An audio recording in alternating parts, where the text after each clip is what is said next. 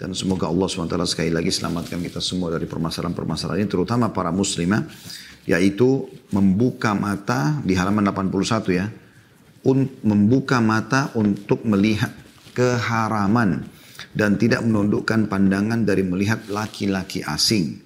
Seolah-olah perintah agar menundukkan pandangan itu hanya berlaku untuk kaum laki-laki saja. Tidak berlaku untuk kaum wanita. Ini sering terjadi. Nah, sering terjadi ini. Subhanallah banyak di antara muslim dan muslimah, uh, terutama muslimah ya, dia fahamnya karena dia bercadar misalnya dia pakai jilbab, maka dia tidak perlu turunkan pandangan. Yang perlu turunkan pandangan hanya laki-laki saja. Jadi laki-laki nggak boleh lihat perempuan. Perempuan boleh jelalatan lihat sendiri nggak bisa. Itu pemahaman yang keliru. Pemahaman yang keliru. Bayangkan pernah ada seorang sahabat Nabi dalam sebuah riwayat yang sahih namanya Abdullah bin Ummi Maktum radhiyallahu anhu. Beliau muadzin Nabi dan boleh buta matanya masuk bertamu di rumah Nabi SAW. Rupanya Aisyah radhiyallahu anha, kalau tidak salah waktu itu sama Hafsah. Ya, tapi ada kisah Aisyah di sini istri Nabi SAW. Berdua dia mereka. Rupanya belum tutup aurat. Ya, maka Nabi SAW mengatakan tutuplah aurat kalian. Lalu kata Aisyah ya Rasulullah, bukankah um, Ibnu Umm Maktum buta? Saya tidak bisa lihat kami gitu. Apa kata Nabi SAW? Tapi kalian tidak buta. Maksudnya apa? Walaupun dia laki-laki buta, kalian juga tidak boleh lihat. Tetap tutup ya menghadap ke tembok, jangan melihat dan segala macam. Seperti itu. Jadi kita harus faham teman-teman sekalian. Makanya Allah di sini diangkat oleh penulis nanti akan panjang lebar kita jelaskan insya Allah ya. masalah hukum ini dalam surah An-Nur ayat 31 Allah berfirman tentang para wanita juga ya. Tentu ayat 30-nya ada tentang laki-laki ya. Tapi ini nanti kita panjang lebar bahas insya Allah. Ayat 31-nya bunyinya A'udzubillahi minasyaitonirrajim wa kullil mu'minati yaghludna min absarihinna wa yahfadna furujahun. Katakanlah kepada wanita yang beriman, hendaklah mereka menahan pandangan mereka dan memelihara kemaluan mereka. Jadi Allah khususkan juga di sini muslimah. Sebelumnya ayatnya juga dijelaskan. Sebelum potongan ayat ini, Allah jelaskan tentang laki-laki menurunkan pandangan. Maka di sini juga Allah mengatakan perempuan juga sama.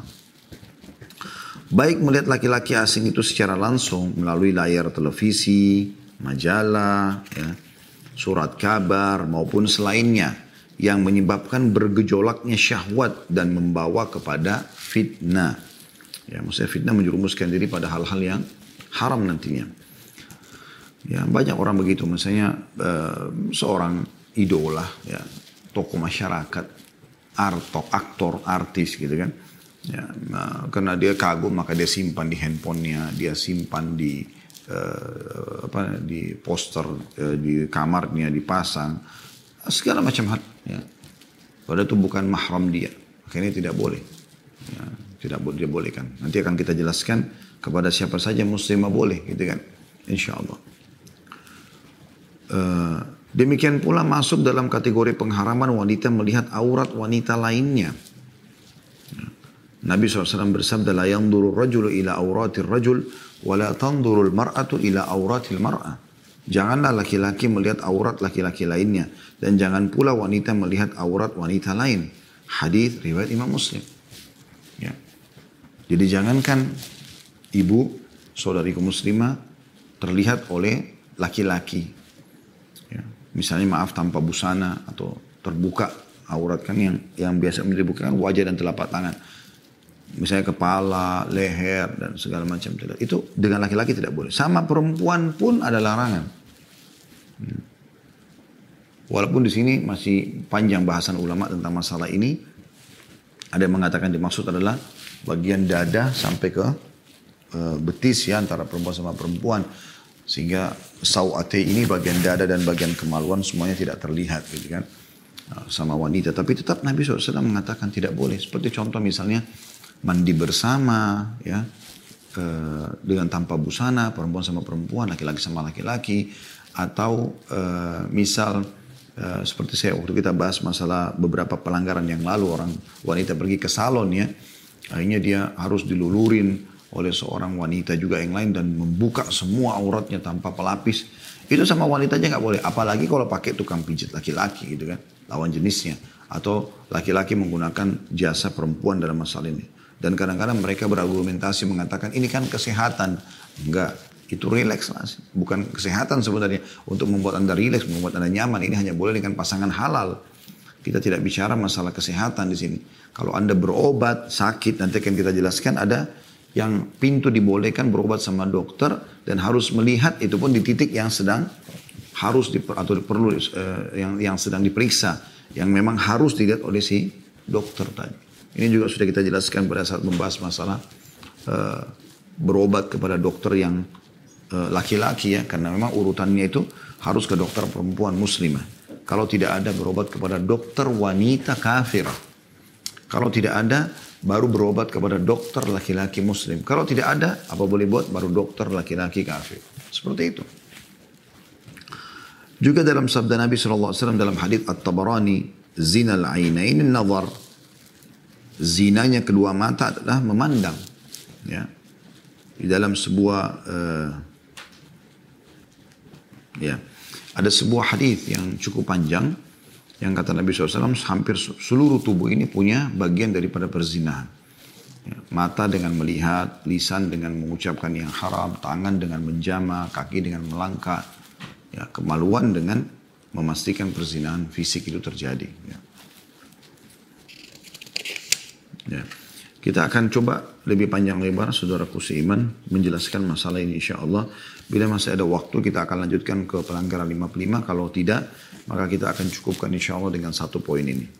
Pertama sekali mari kita saya mengajak semua yang mengikuti acara kita ini untuk membuka surah An-Nur. Nah, surah An-Nur surah nomor 24 dalam Al-Quran ayat 30 sampai ayat 31. ayat 30 sampai ayat 31. Saya akan bacakan A'udzu billahi minasyaitonir rajim. قل للمؤمنين يغض من أبصارهم ويحفظوا فروجهم ذلك أزكى لهم إن الله خبير بما يصنعون وقل للمؤمنات يغضضن من أبصارهن ويحفظن فروجهن ولا يبدين ولا يبدين زينتهن إلا ما ظهر منها وليضربن بخمورهن على جيوبهن ولا يبدين زينتهن إلا لبعولتهن أو آبائهن أو آباء بعولتهن أو أبنائهن أو أبنائهن أو أبناء بعولتهن أو إخوانهن أو بني إخوانهن أو بني أخواتهن. أو بني أخواتهن أو نسائهن أو ما ملكت أيمانهن أو التابعين غير أولي الإربة من الرجال أو التابعين غير أولي الإربة من الرجال أو الطفل الذين لم يظهروا على عورات النساء ولا يضربن بأرجلهن ليعلم ما يخفين من زيناتهن وتوبوا إلى الله جميعا أيها المؤمنون لعلكم تفلحون Artinya, katakanlah hai Muhammad kepada laki-laki yang beriman. Hendaklah mereka menahan pandangannya. Maksudnya, melihat kepada sesuatu yang tidak dibolehkan. Di sini tentu lebih cenderung kepada aurat lawan jenis yang tidak halal bagi dia. Yang halal tentu istrinya gitu kan. Itu seluruhnya boleh dilihat tapi kalau mahram dia kayak ibunya, saudarinya, ada batasan dalam melihat aurat itu. Akan kita jelaskan insya Allah. Dan juga memelihara kemaluannya. Ya, maksudnya adalah tidak berzina. Yang demikian itu adalah lebih suci bagi mereka. Sesungguhnya Allah maha mengetahui apa yang mereka perbuat. Jadi dua hal ditekankan dalam ayat ini bagi laki-laki tidak boleh melihat yang haram, tidak boleh meletakkan kemaluan pada yang haram. Tentu solusinya sudah ada, melihat yang dihalalkan dan menikah ya sehingga kemaluan terlampiaskan pada yang halal. Katakanlah kepada wanita yang beriman, di sini Allah khususkan laki-laki, khususkan perempuan supaya jangan ada yang mengatakan oh cuma si laki-laki aja yang ditegur atau cuma perempuan yang ditegur. Allah katakan dan katakan juga hai Muhammad kepada wanita yang beriman. Hendaklah mereka menahan pandangannya dan kemaluannya.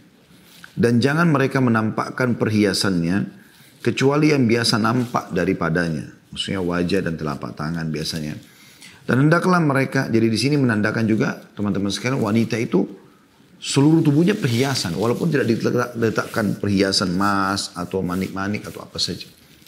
Jadi dengan terbuka saja, terbuka kancing baju sedikit kelihatan dadahnya, Mungkin lengannya kelihatan itu sudah cukup untuk menjadi perhiasan. Menjadi fitnah. Tersingkap sedikit betisnya itu sudah cukup luar biasa. Ya. Pengaruhnya kepada syahwat lawan jenis. Bahkan sering kali terjadi sesama jenis pun terganggu. Ya. Makanya Allah mengatakan di sini. Dan janganlah mereka menampakkan perhiasannya kecuali yang biasa nampak daripadanya wajah dan telapak tangan. Dan hendaklah mereka menutupkan kain kudung ke dadanya, tutup sampai menutupi dada seluruhnya dan jangan sampai membentuk dada itu ya. Dilonggarkan maksudnya. Dan janganlah menampakkan perhiasannya kecuali kepada siapa saja mereka boleh perlihatkan. Ya, terbuka jilbabnya misalnya kepada suami mereka. Nah kalau suami semuanya tentu. Apa pun boleh dilihat. Nanti akan kita jelaskan dalilnya insya Allah. Atau ayah mereka. Ya. Ayah di sini ayah kandung. Masuk dalamnya juga suami ibu. ya Kalau biasa kita bahasakan ayah tiri. Ya. Tapi ayah angkat tidak masuk di sini karena bukan mahram ya. Ini pun ada batasan nanti akan kita jelaskan batasan yang boleh. Dibatasi dari daerah dada sampai ke tadi lutut saya bilang ya. Itu sisanya mungkin bagian kepala, wajah, sedikit bagian leher, e, siku ke bawah, lutut ke bawah. Ini sama ayah masih dibolehkan gitu ya. Tapi tidak boleh bukan depan ayah kemudian maaf menggunakan cuma BH sama celana dalam misalnya. Itu tetap nggak boleh ya. Tapi kalau sama suami dibolehkan. Atau ayah suami mereka, mahram. Karena dengan ibu menikah dengan suami, maka secara otomatis ya bapak mertua ibu adalah mahram seperti ayah juga. Tapi hukumnya seperti ayah ya, tidak boleh terbuka semuanya, bagian tertentu saja. Atau putra-putra mereka, anak-anak mereka. Atau putra-putra suami mereka. Kalau mereka menikah sama duda misalnya punya anak ya, maka anaknya itu walaupun lebih lebih tua dari dia misalnya tetap saja mahramnya. Jadi kayak misalnya seorang duda punya anak laki-laki dua. Duda umurnya 50 tahun, anak dia umur 25 tahun. Lalu meninggallah istrinya si duda, ya sehingga satu sudah melekat padanya. Kemudian dia menikah sama seorang wanita umur 20 tahun misalnya. Maka istrinya sekarang ini itu lebih muda daripada anaknya dia yang pertama misalnya umur 25 tahun anaknya. Tetap saja anak itu adalah mahram dia dan ini adalah ibunya si anak tadi. Ya. Dan saudara-saudara laki-laki mereka, ini sudah masyhur saudara laki-laki dan putra-putra saudara laki mereka, ponakan dari anak laki-laki, saudara laki-laki kita. Dan putra-putra saudara perempuan mereka, ponakan dari saudari kita perempuan. Atau wanita-wanita Islam. Ya. Di sini ada yang membatasi karena Allah mengatakan wanita-wanita Islam berarti wanita kafir tidak boleh gitu kan. Harus tertutup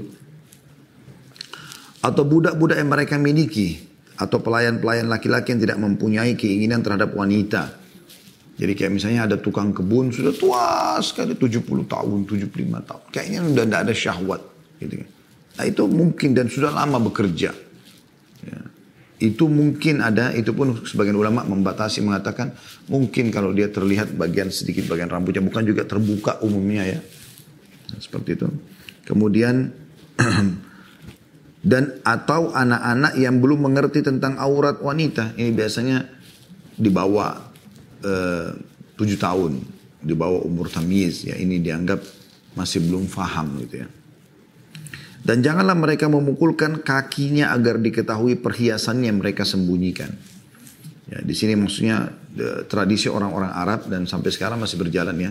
Begitu juga di India mereka biasa menggunakan gelang kaki gelang kaki. Nah itu biasanya ada kerincing-kerincingnya, ya, bunyi gitu kan. Nah, itu biasanya mereka uh, sengaja menampakkan kakinya, ya kakinya yang mulus, kemudian dipasangkan uh, gelang kaki, kemudian mereka sengaja menggunakannya, membunyi-bunyikan gelang itu untuk menarik perhatian lawan jenis. kadang kadang-kadang juga bahkan dipakai menari di depan para lawan jenis ya. Allah melarang semua itu. Dan bertobatlah kamu sekalian kepada Allah. Maksudnya kalau selama ini kalian melanggar ini, maka bertobatlah. Mulai sekarang jangan lagi melakukan perbuatan tersebut. Hai orang-orang yang beriman, supaya kamu beruntung. Supaya kalian beruntung, maksudnya selamat dunia akhirat. Maka mulai sekarang kita harus menjaga pandangan mata dari yang haram. Gitu ya. Ada tulisan yang menarik dari uh, sebuah uh, artikel sebenarnya ya, dari Syekh Saleh Al-Munajjid ya dalam buku Fatwa Al-Islam Soal wal Jawab maksudnya fatwa-fatwa Islam dan agama Islam, pertanyaan dan jawaban. Jadi bahasannya cukup panjang lebar uh, dipaparkan oleh beliau. Uh, di antara bunyinya itu adalah Allah memberikan petunjuk kepada orang-orang beriman dengan seruan wahai orang-orang beriman. Maksudnya adalah kalau Allah mengatakan wa lil mu'minin wa lil mu'minat katakanlah hai Muhammad kepada laki-laki beriman katakanlah kepada wanita beriman. Berarti yang dipanggil adalah orang-orang yang memiliki iman. Karena orang yang tidak ada imannya tidak akan peduli dengan masalah ini termasuk anda ikuti acara kita ini kalau anda punya keimanan anda akan tersentuh oh Allah larang nih misal gitu ya seruannya adalah agar tidak terjatuh pada hal-hal yang mencacati imannya supaya jangan sampai imannya rusak, terganggu. Ya. Hendaklah mereka para laki menundukkan pandangan supaya tidak sampai memandang aurat dan memandang wanita yang bukan mahram. Karena akan tergoda ketika memandangnya sehingga dapat terjerumus kepada keharaman yang lebih parah. Ya.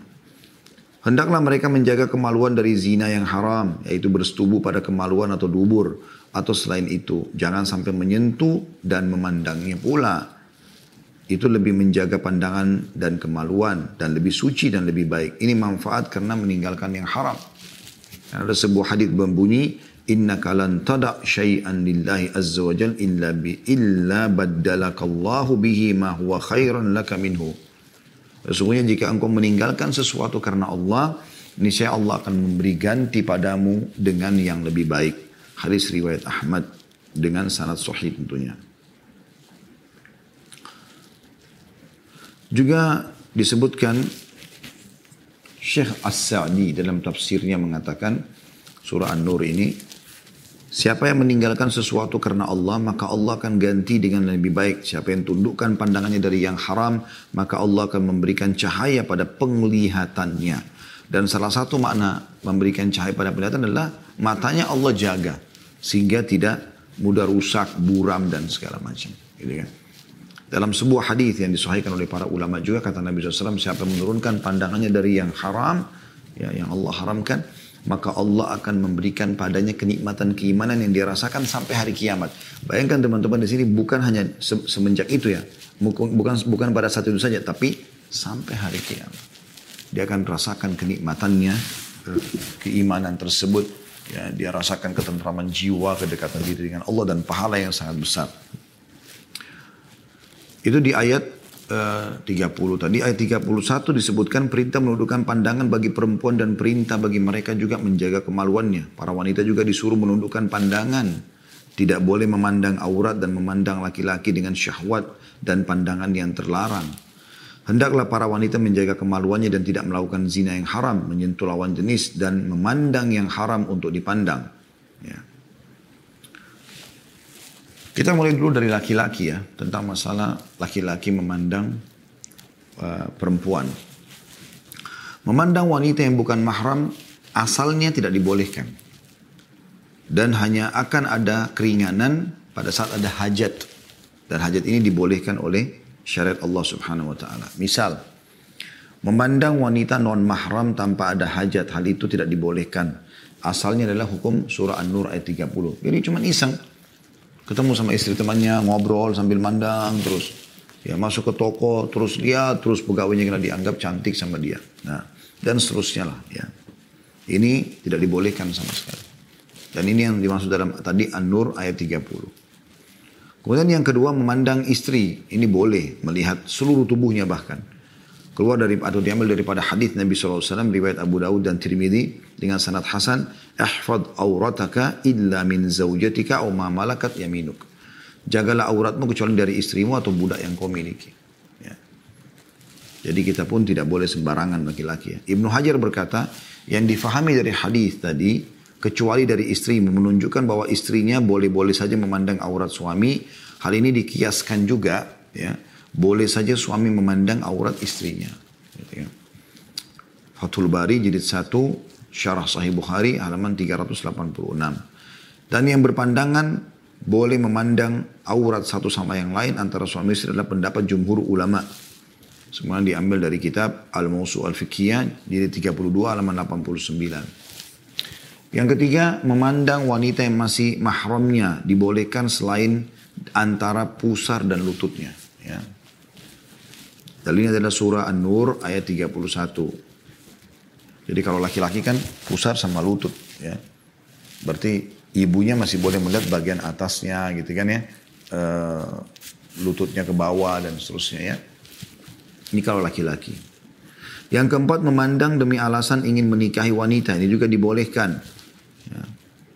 Dan yang boleh dipandang hanya wajah dan telapak tangan.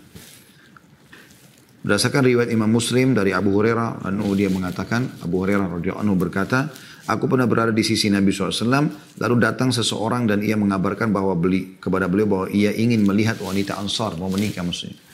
Maka Rasulullah SAW bersabda kepadanya, apakah engkau telah nazar, memandang wajahnya gitu.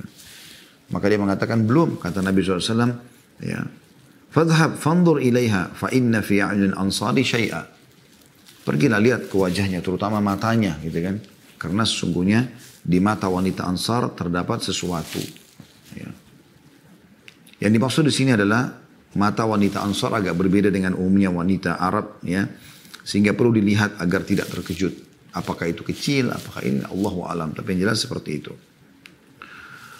Memandang wanita yang ingin dinikahi di sini hanya pada wajah dan kedua telapak tangan karena tidak ada hajat untuk melihat anggota tubuh lainnya. Ya, walaupun masih ada pendapat ulama yang membolehkan melihat sebagiannya seperti bagian rambut yang itu. Uh, begitu juga dengan uh, bagian lengan ya. Sebagian, tapi jumhur ulama mengatakan tidak boleh kecuali wajah dan telapak tangan. Itu pun dia karena niat ingin menikahi. Yang kelima memandang wanita dalam rangka berobat. Boleh pada bagian yang dibutuhkan saja. Jadi kalau terpaksa berobat pada dokter laki-laki, ya, atau dokter laki-laki ini mengobati pasien perempuannya, maka di sini dia eh, harus ya, melihat hanya atau hanya boleh melihat tempat yang dibutuhkan saja. Jadi tidak boleh dia sembarangan mengecek sana sini sementara tidak diperlukan. Mungkin karena pasiennya muda, cantik dan segala macam tetap tidak boleh. Dia harus bertakwa kepada Allah. Yang keenam, memandang wanita karena keperluan persaksian atau muamalat. Boleh melihat pada wajah saja. Gitu kan. Kalau misalnya hakim, dia harus mendatangkan saksi atau saksi wanita datang dan dia harus melihat. Mungkin dari mimik wajahnya ini ketahuan orang ini bohong atau tidak misalnya. Ya, seperti itulah. Dalam masalah berobat ini sudah pernah kita jelaskan tentu teman-teman sekalian harus didahulukan dalam pengobatan itu adalah dokter laki-laki muslim, eh, dokter perempuan muslimah. Kemudian kalau tidak ada dokter wanita kafir, kalau tidak ada baru dokter laki-laki muslim, kalau tidak ada baru ke dokter laki-laki kafir. Ya. Jadi kalau dicukupkan dengan eh, berobat pada wanita muslimah walaupun itu dokter umum maka cukup, tidak perlu lagi yang lainnya. Tentu di sini juga saya memberikan Anda solusi yang baik sebenarnya ya. Cobalah mulai sekarang teman-teman sekalian kembali kepada pengobatan nabawiyah. Seperti misalnya sering mengkonsumsi hambatus sauda, ya, jintan hitam, uh, mengkonsumsi madu, ya, berbekam. Nah hari ini uh, seingat saya kalau pertanggalan di uh, Hijriah tapi mengikuti perlu Indonesia hari ini tanggal 17 Zulkaadah. Hari ini hari hari bekam. Ya, sangat baik Anda bekam. Uh, begitu juga dua hari lagi tanggal 19 ya, berarti hari eh, Sabtu nanti dan juga hari Senin tanggal 21. Nabi SAW menganjurkan para sahabat untuk berbekam di tiga hari ini. 17, 19, 21. Ini pengobatan luar biasa mengeluarkan darah kotor dari tubuh. Anda bisa uh, meminta pasangan untuk melakukannya. Tidak harus pergi ke tempat bekam secara khusus. Sekarang juga Anda bisa otodidak mempelajari di Google kan tentang titik-titiknya. Saya pun begitu di rumah. Saya minta keluarga saya yang melakukan bekam, saya tunjukkan titiknya, kemudian dilakukan. Dan itu sangat bagus. Kata Nabi SAW, saya waktu sedang mi'raj ke langit, ya tidak ada satu pun malaikat yang saya temui di langit kecuali mewasiatkan agar mengingatkan umatku untuk berbekam. Kemudian juga tidak boleh berlebihan dalam memeriksa ya yang tidak diperlukan sebagaimana sudah saya jelaskan tadi ya. Karena kalau kapan dia melihat yang tidak diperlukan misalnya sakit di perut tapi dibuka bagian dada lah apalah segala macam ini semua tidak dibolehkan. Ya. Sama dengan dokter juga kalau uh, mem, dokter yang harus ya, melahirkan manusia ya, maka dia uh, apa namanya harus juga hati-hati. Jadi dia cuma lihat bagian itu saja, dia tidak boleh ke mana-mana ya, mengambil kesempatan untuk melihat yang lainnya seperti itulah. Walaupun mungkin ada orang mengatakan tidak mungkin lah Ustaz orang kalau lagi mengobati orang begini. Anda tidak tahu. Hati manusia kita tidak pernah tahu. Syariat tidak mungkin datang kecuali dengan hikmah ilahi. Allah lebih tahu sebagai pencipta. Saya sama Anda nggak faham masalah itu. Kemudian juga kalau seandainya ada penyakit ya bisa dideteksi tanpa membuka aurat, maka tidak boleh dia buka sama sekali. Itu saja lebih pekah lagi. Ya. Kalau sudah jelas ada yang harus luka bakar, harus diperban, maka dia harus sentuh itu berbeda titik di situ ya. Tapi kalau lebih pekah lagi kata ulama, kalau seandainya ada orang yang uh, tanpa buka aurat, misalnya ada orang merasa sakit kepala, dia udah tahu misalnya kepala ini ada sebabnya nggak ditanya, boleh kapan, berapa jam lalu, ada sebabnya, mungkin dia kena terik matahari, mungkin udah dia sudah tahu dia kasih obat resep selesai, itu jauh lebih aman. Dan saya sudah sudah memberikan masukan juga ya. Dan mudah-mudahan masukan ini bisa bermanfaat ya. Ini lillahi ta'ala. Kalau bisa spesialis-spesialis wanita seperti uh, melahirkan ya. Uh, ini biarkan dokter persalinan maksudnya ya. Spesialis kandungan. Ini lebih baiklah perempuan, jangan laki-laki di situ. Ya, agar memang pintu ini sudah tertutup. Kecuali darurat sekali mungkin.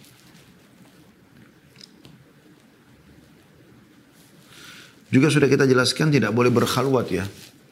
Waktu saya jelaskan beberapa waktu yang lalu itu. Pada saat kita membahas dan tidak boleh berobat sembarangan ke dokter yang bukan mahram ya Pak. Eh, dokter umum ya. Jadi jangan sampai ruangan pasiennya dan ruangan dokternya dingin, sejuk, bersih, wangi. Kemudian dokternya masih muda, tampan, masuk pasien masih muda, perempuan. Apalagi memang dia datang karena suka sama dokternya. Ini berbahaya, berkhalwat berdua. Kata Nabi SAW, kalau laki-laki dan perempuan berdua, yang ketiganya adalah syaitan. Ya. Ini harus bertakwa kepada Allah Subhanahu Wa Taala. Kemudian juga teman-teman sekalian yang perlu diperhatikan adalah kalau betul-betul diperlukan pengobatan tersebut dan memang harus ya dibuka maka seperti misalnya tadi saya katakan melahirkan misalnya. Nah itu apa boleh buat? Dia harus melakukan dokter laki-laki itu misalnya. Maka dia lakukan tapi dalam keadaan darurat sekali. Ingat kita sudah jelaskan pendapat para ulama kalau masih ada dokter wanita maka hindari dokter laki-laki. Jangan anda mengatakan oh tapi saya lebih percaya dokter ini karena saya sering dengar itu informasi dari beberapa ummahat kita mereka menganggap oh dokter ini saya sudah percaya gitu kan. Tak masalah lah pokoknya saya cuma mau melahirkan sama dia saja. Ini pemahaman yang harus diluruskan. Karena ada syariat Islam yang mengatur anda. Dan tujuan kita belajar seperti ini untuk memahami tentunya. Ya, untuk memahami. Jadi jangan sampai kita malah melanggar ini ya. Allah Baik teman-teman sekalian cukup banyak ayat-ayat Al-Quran yang lain tentunya yang menjelaskan tentang pentingnya menurunkan pandangan ini ya. ya seperti misalnya selain surah An-Nur 30-31 tadi, juga ada uh, firman Allah SWT di dalam uh,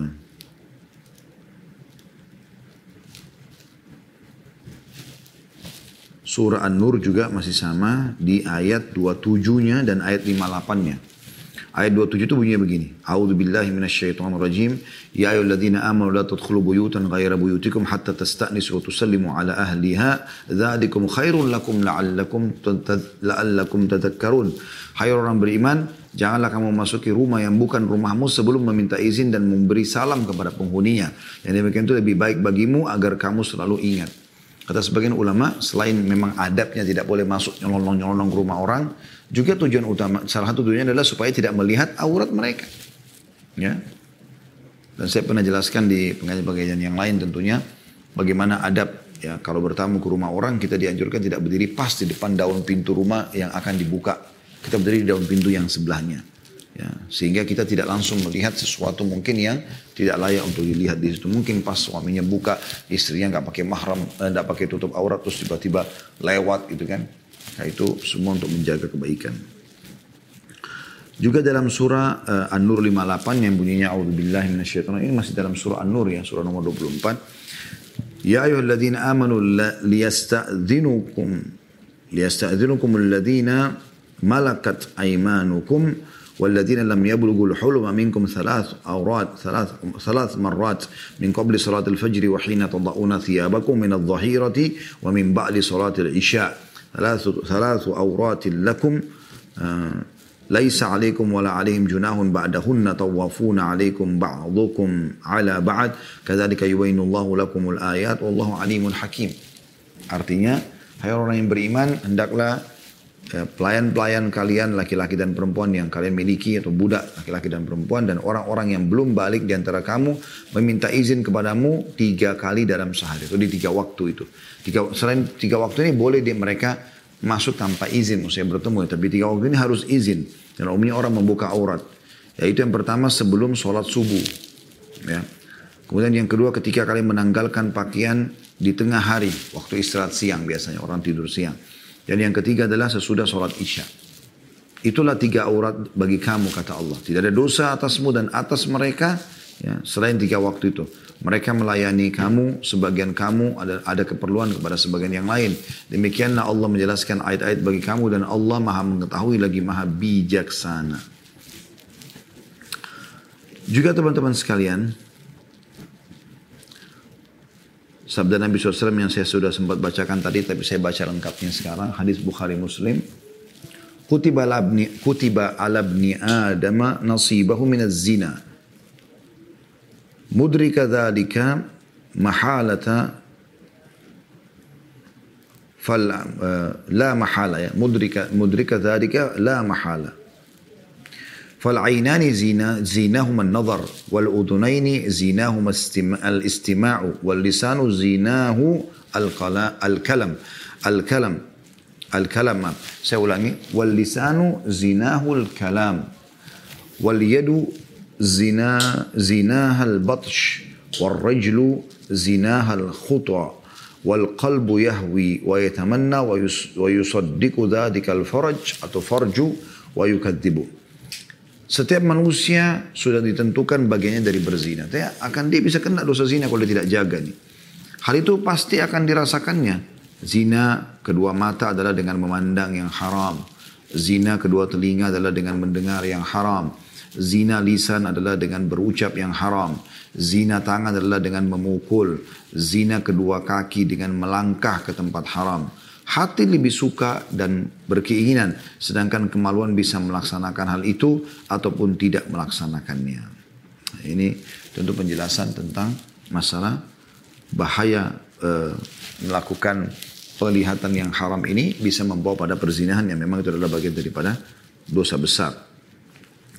Dalam sebuah hadis ya, Ali ya, Rasulullah SAW pernah berkata kepada Ali radhiyallahu anhu, wahai Ali janganlah engkau lanjutkan pandangan pertamamu, ya, yang tiba-tiba kamu lihat, ya, gitu. dengan pandangan berikutnya. Sesungguhnya pandangan yang pertama itu untuk kamu, sedangkan yang kedua tidak demikian. Maksudnya akan dihitung dosa. Gitu kan. Jadi pandangan pertama saja kita pas pintas lihat langsung kita turunkan pandangan. Tak boleh kita lihat terus gitu kan. Ya. Dalam Sahih Bukhari juga dijelaskan Nabi SAW memastikan tentang hak jalanan. Ya. Dikatakan oleh Nabi SAW, Iyakum wal julusa fitur alat turuqat. Iyakum wal julusa alat turuqat. Janganlah kalian duduk-duduk di pinggir jalan. Faqalu malana bud ya eh, malana bud innama hiya majalisuna natahaddatsu fiha. Tapi ya Rasulullah kata para sahabat kami memang membutuhkan itu. Kami harus duduk-duduk di jalan. Dengan kami berbicara satu sama yang lain tentang hajat kami. Qala fa'idha abaitum illa al-majalis fa'atu tariq fa'atu tariqa haqqaha. Kalau kalian tetap ngotot mau duduk di pinggir-pinggir jalan, nongkrong-nongkrong, maka berikanlah hak jalanan itu. Qalu maka mereka berkata para sahabat, "Wa ma haqqut tariq?" Apa haknya jalan itu ya Rasulullah? Qala guddul basar. Turunkan pandangan dari yang haram. Jadi jangan jelalatan sengaja mengganggu orang yang lewat dengan pandangan matanya. Wakaful adha. Ya. Dan juga tidak menyakiti orang lain. Waraddus salam. Menjawab salamnya orang yang mengucapkan salam. Wa amru bil ma'ruf wa nahi anil munkar. Ya, menegakkan kebenaran dan melarang dari kemungkaran. Ya, kemungkaran. Di dalam sebuah riwayat Imam Muslim disebutkan Ini saking tegasnya tidak boleh kita sembarangan melihat ya. Apalagi kalau sampai pada tingkat mengintip. Kayak mengintip orang di kamar mandi, mengintip orang dalam rumahnya. Ini bahaya sekali. Karena kalau yang sedang diintip itu sampai mencungkil mata kita, merusak, melempari batu atau memukulnya, maka dia tidak kena hukum sama sekali. Perhatikan riwayatnya. Sahli bin Sa'ad As-Sa'idi radhiyallahu anhu berkata bahwa seseorang mengintip salah satu kamar Rasulullah SAW. Dan saat itu Rasulullah SAW sedang memegang semacam sisir dari besi. Ketika mengetahuinya beliau berkata atau bersabda, kalau aku tahu bahwa kamu mengintipku, pasti matamu sudah kutusuk dengan ini. Padahal bisa saja mungkin orang ini niatnya bukan jahat pada Nabi SAW. Karena umumnya sahabat niatnya baik gitu kan. Mungkin hanya sekedar mau tahu Rasulullah buat apa di rumah. Tapi tetap tidak boleh. Dan ini berbahaya sekali. Saya dengar di Indonesia ini ada sebagian orang yang saya tidak tahu. Tapi ini saya dengar langsung dari beberapa sumber yang saya percaya gitu. Jadi mereka itu menjadikan seperti kebiasaan, bahkan ada kebiasaan keluarga. Kalau ada orang yang baru menikah di keluarga itu, mereka sengaja memang mm, me, me, me, meletakkan bolong-bolongan atau ada sisi-sisi di kamar pengantin itu yang bisa dilihat. Mereka sambil melihat orang melakukan biologis, naudzubillah. Pengantin baru itu tidak boleh semua. Sedangkan melihat saja secara langsung begini auratnya tidak boleh, apalagi melihat mereka melakukan biologis itu. Ya, dan ini sama tentu hukumnya pada saat kita tarik ke masalah nonton film porno dan seterusnya. Karena pasti melihat aurat orang. Semoga Allah maafkan yang lalu-lalu. Kita bicara pada saat kita belajar ini adalah ke depan. Imam Ahmad juga meriwayatkan dari Ibnu Mas'ud radhiyallahu anhu bahwasanya Rasulullah SAW bersabda, janganlah seorang wanita berdekat-dekatan dengan wanita lain. Kemudian dia menceritakan kepada suaminya tentang wanita tersebut. Nanti insya Allah ini ada bahasan ya eh, di pelanggaran yang ke selanjutnya yang ke-55 ya tentang tidak boleh seorang istri sengaja lihat-lihat teman-temannya ya dia sudah cerita sama suaminya itu teman saya itu begini begini kulitnya putih lah cantik lah inilah itu nggak boleh karena nanti bisa suaminya tertarik gitu ya. maka itu dilarang oleh Nabi SAW juga Imam Muslim meriwayatkan dari Jabir al bahwasanya Rasulullah SAW bersabda ya atau pada saat bahwasanya Nabi SAW melihat seorang wanita maka beliau kemudian menemui Zainab uh, yang sedang menyamak kulit binatang. Lalu beliau menggauli Zainab. Kemudian beliau menemui para sahabat dan berkata, Sesungguhnya wanita itu dari depan bisa digunakan syaitan untuk menggoda dan dari belakang juga bisa digunakan syaitan untuk menggoda. Maka jika seseorang di antara kalian melihat wanita sebaiknya segera mendatangi istrinya karena hal itu akan menghapus pikiran-pikirannya tadi. Eh, dan ini berarti menandakan orang bisa selamat pada saat dia kembali kepada pasangan halalnya, pasangan halal. Ya. Kalau seseorang misal dia melihat uh, lawan jenisnya secara tidak sengaja atau ada hajat tadi sudah kita katakan ya hajat-hajat yang dibolehkan secara syar'i maka itu tidak ada masalah gitu kan? Orang misalnya lihat sepintas oh ini pematerinya si fulan ya. Tapi kalau dia melihat ya, orang itu terus melotot sampai akhirnya membuat dia bukannya perhatikan materi yang sudah disampaikan atau dokter uh, uh, penyampai dokter yang sedang disampaikan atau uh, apalah ya penyampaian penyampaian si penjual ya. Dia hanya fokus untuk melihat masalah fisik. Ini malah bisa menjadi sesuatu yang haram tadi sebagaimana sudah kita jelaskan teman-teman sekalian. Dan ini semua uh, tentu uh, hanya pada orang-orang yang tidak dihalalkan ya.